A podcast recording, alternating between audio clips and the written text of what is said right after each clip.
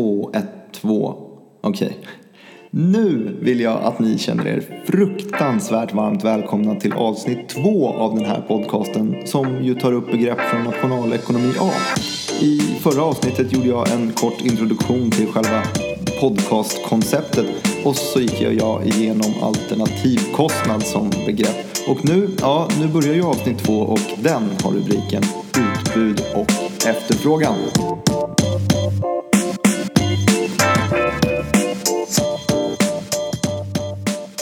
Jag har fått kritik. Ja, nej men feedback, eller kritisk feedback kan man väl säga. Dels så var det någon som tyckte att det var fruktansvärt dammigt att använda Bill Gates som det generella exemplet på en rik snubbe. Det var tydligen typ tio år sedan han var rikast i världen och är därför inte jätteaktuell längre. Jag köper det. Jag lovar lite livligare fantasi framöver helt enkelt. Inget mer Bill Gates. Feedback nummer två däremot, den var lite mer rimlig tyckte jag. Lite köttigare. Och det är att det inte riktigt framgår vem jag är och varför man borde lyssna på mig när det kommer till ekonomi. Det snabba svaret är att det vet, det vet inte jag heller. Men ah, det är svårt att göra sådana här självkreddiga grejer men jag gör ett, ett litet försök i alla fall. Jag är 26 år gammal. Dels har jag pluggat nationalekonomi upp till och med masternivå eh, på två olika universitet. Dels eh, i Uppsala och i Lund också. Och det här påminner CSN mig om ganska ofta. Jag fick inga dunderbetyg, eh, men skit i det. Jag jobbar sedan årsskiftet med ekonomi och med börsnyheter. Jag är programledare och nyhetsankare på en lite mindre nyhetskanal. Och jag dyker faktiskt upp som gäst på Dagens Industris tv-kanal titt som tätt för att kommentera aktiemarknaden. Men sådana här titlar och sidor är kanske inte den största anledningen till att ni ska tro på vad jag säger utan det tycker jag är att jag är genuint intresserad. Jag tycker liksom att det är, det är ganska kul med alla de här ekonomiska sambanden. Så pass kul att jag till och med fick för mig på fritiden här att starta en podcast om det. Så att har ni någon fråga eller tips eller kärleksbrev eller kritik så tar jag emot dem digitalt på nekpodcast.gmail.com. Nu kör vi istället igång med utbud och efterfrågan. Utbud och efterfrågan, supply and demand, name a more iconic duo. Nej, jag trodde väl det. Äh, det här är verkligen en av ekonomins grundstenar. Och de flesta har hört det oavsett om man är utbildad ekonom eller inte. Och det är väl för att det går att applicera på typ allt. Äh, för det är faktiskt svaret på en fråga som lyder Hur bestäms pris? Och det kan vara priset på allt från bostäder till ekologiska bananer och det bestäms av hur mycket som finns, alltså utbudet och hur mycket folk vill ha det, alltså efterfrågan. Och priset det sätts där utbudet möter efterfrågan.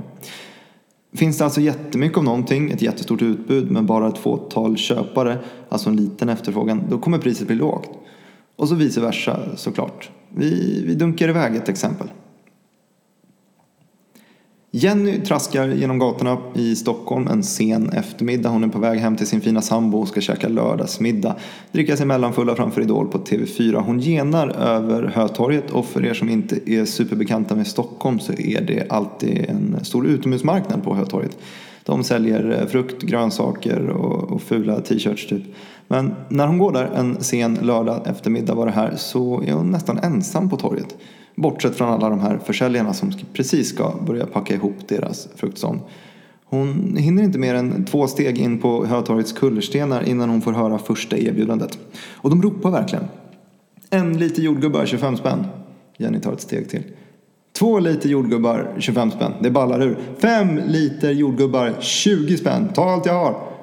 Ja, Okej, okay vänta, pausa. Vad är det som händer här på Hötorget? Vi analyserar situationen lite. Det finns ett par stycken olika aktörer här och de vill sälja jordgubbar. Det är slutet av dagen men de har några liter jordgubbar kvar var. Imorgon är det söndag och då är det ingen marknad. Och på måndag då har jordgubbarna definitivt hunnit bli dåliga. Försäljarna inser att Jenny kanske är deras sista chans att bli av med de här jordgubbarna innan de ska hem till sina sambos och slumra framför Idol. Och då vill de ju inte ha 10 liter ruttnande jordgubbar i bilen. Mycket skönare att bara bli av med dem. Så de krigar mot sina konkurrenter för att bli den som får sälja sina sista jordgubbar. Relationen utbud-efterfrågan är så lite skev. Jenny hade inte ens tänkt från början att eh, köpa jordgubbar. Hon skulle ju bara gena över torget. Men nu befinner hon sig i en marknad där de praktiskt taget ger bort jordgubbar. Hon, hon swishar en av säljarna 10 spänn och får välja de två lådorna med de finaste jordgubbarna och går därifrån med ett leende. Exempel nummer två. Det är midsommarafton. Alla både softa och osofta släktingar är samlade på en och samma idylliska plats. Det ska bli sommarens raj-raj och det börjar med en riktigt festlig sillunch. Jenny hon har fått i uppgift att fixa jordgubbarna till efterrätten. Hon var ju faktiskt ändå tvungen att ta sig in till stan och jobba en snabbis på morgonen så hon tar sig förbi den här fruktmarknaden på Hötorget på väg ut till midsommarfirandet. De där säljarna var ju så trevliga sist. Och jordgubbarna, de var ju fantastiska. En fot på kullerstenen och Jenny inser att det inte alls är samma stämning på Hötorget som sist. Hon får armbåga sig fram till fruktståndet bara för att fråga om priset. 60 kronor litern. Jenny behöver ju minst fem liter jordgubbar för att alla ska få smaka. Hon slåss mot sin ångest men hon tänker verkligen inte komma till släktkalaset utan jordgubbar. Kosta vad det vill. Hon kommer därifrån med fem liter ganska fula och lite mosade jordgubbar och hon betalar 300 spänn för alltihop.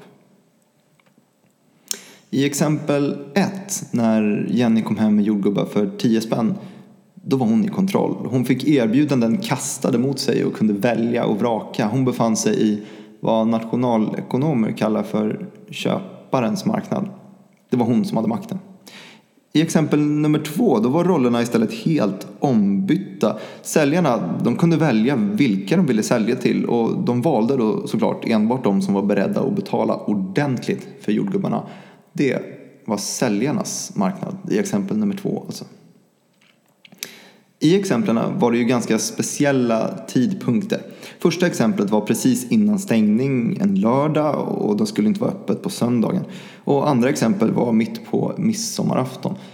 En vanlig veckodag på Hötorgets fruktmarknad finns det ju en hyfsad balans mellan antalet köpare och säljare. De som säljer har ju koll på ungefär hur många lådor jordgubbar som kommer gå åt en vanlig dag eh, till det vanliga priset och köper därför in alldeles lagom mängd. Och de flesta köparna de är inte helt desperata utan de kan tänka sig att hoppa över jordgubbar om de skulle vara alldeles för dyra. Det här tillståndet av balans, det är där det inte riktigt är köparens marknad och det är heller inte riktigt säljarens marknad. Det kallas för perfekt konkurrens. Det är inte någon enskild aktör som kan påverka priset.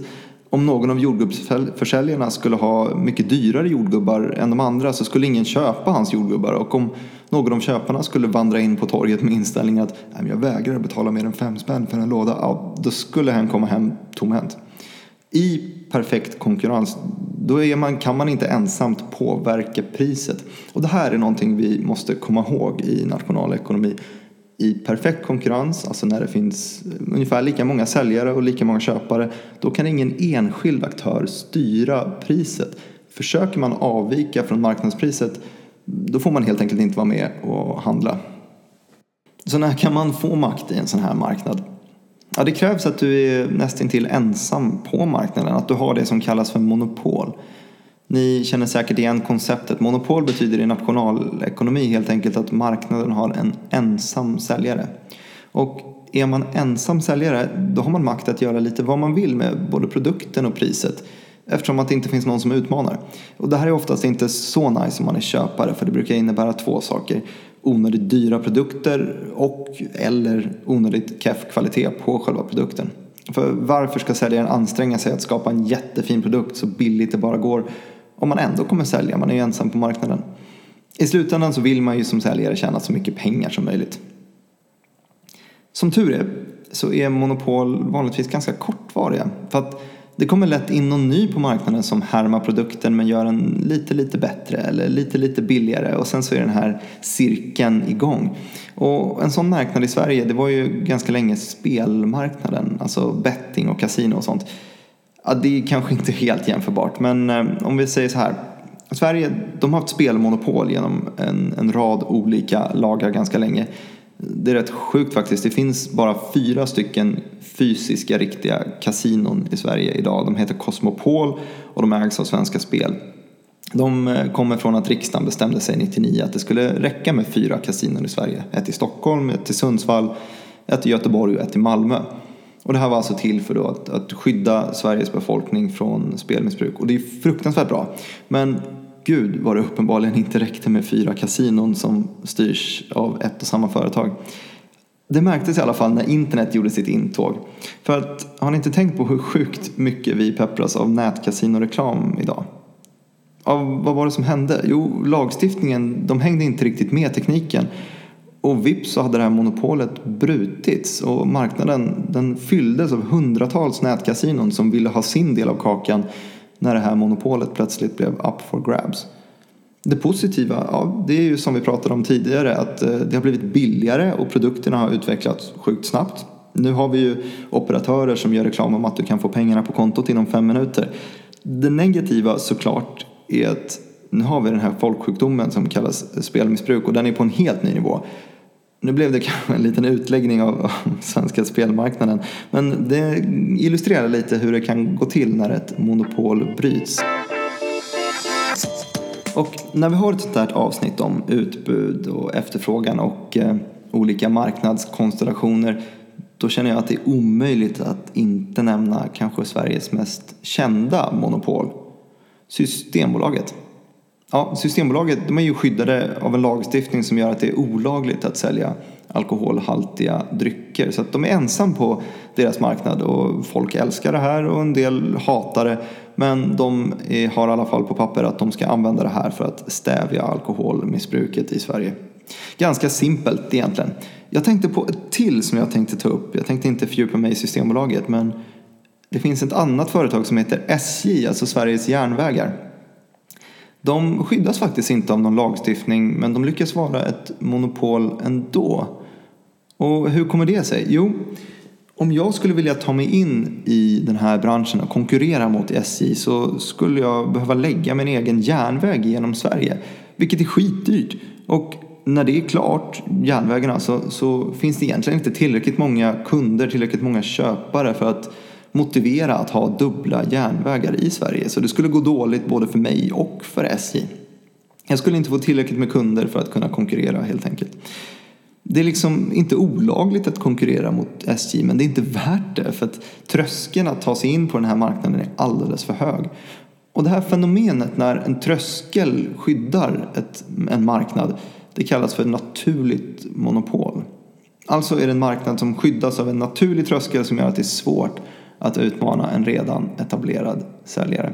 Hörrni, vi har pratat lite grann om utbud, om efterfrågan och hur en marknad kan se ut. Jag hoppas att det gav er fler utropstecken än frågetecken.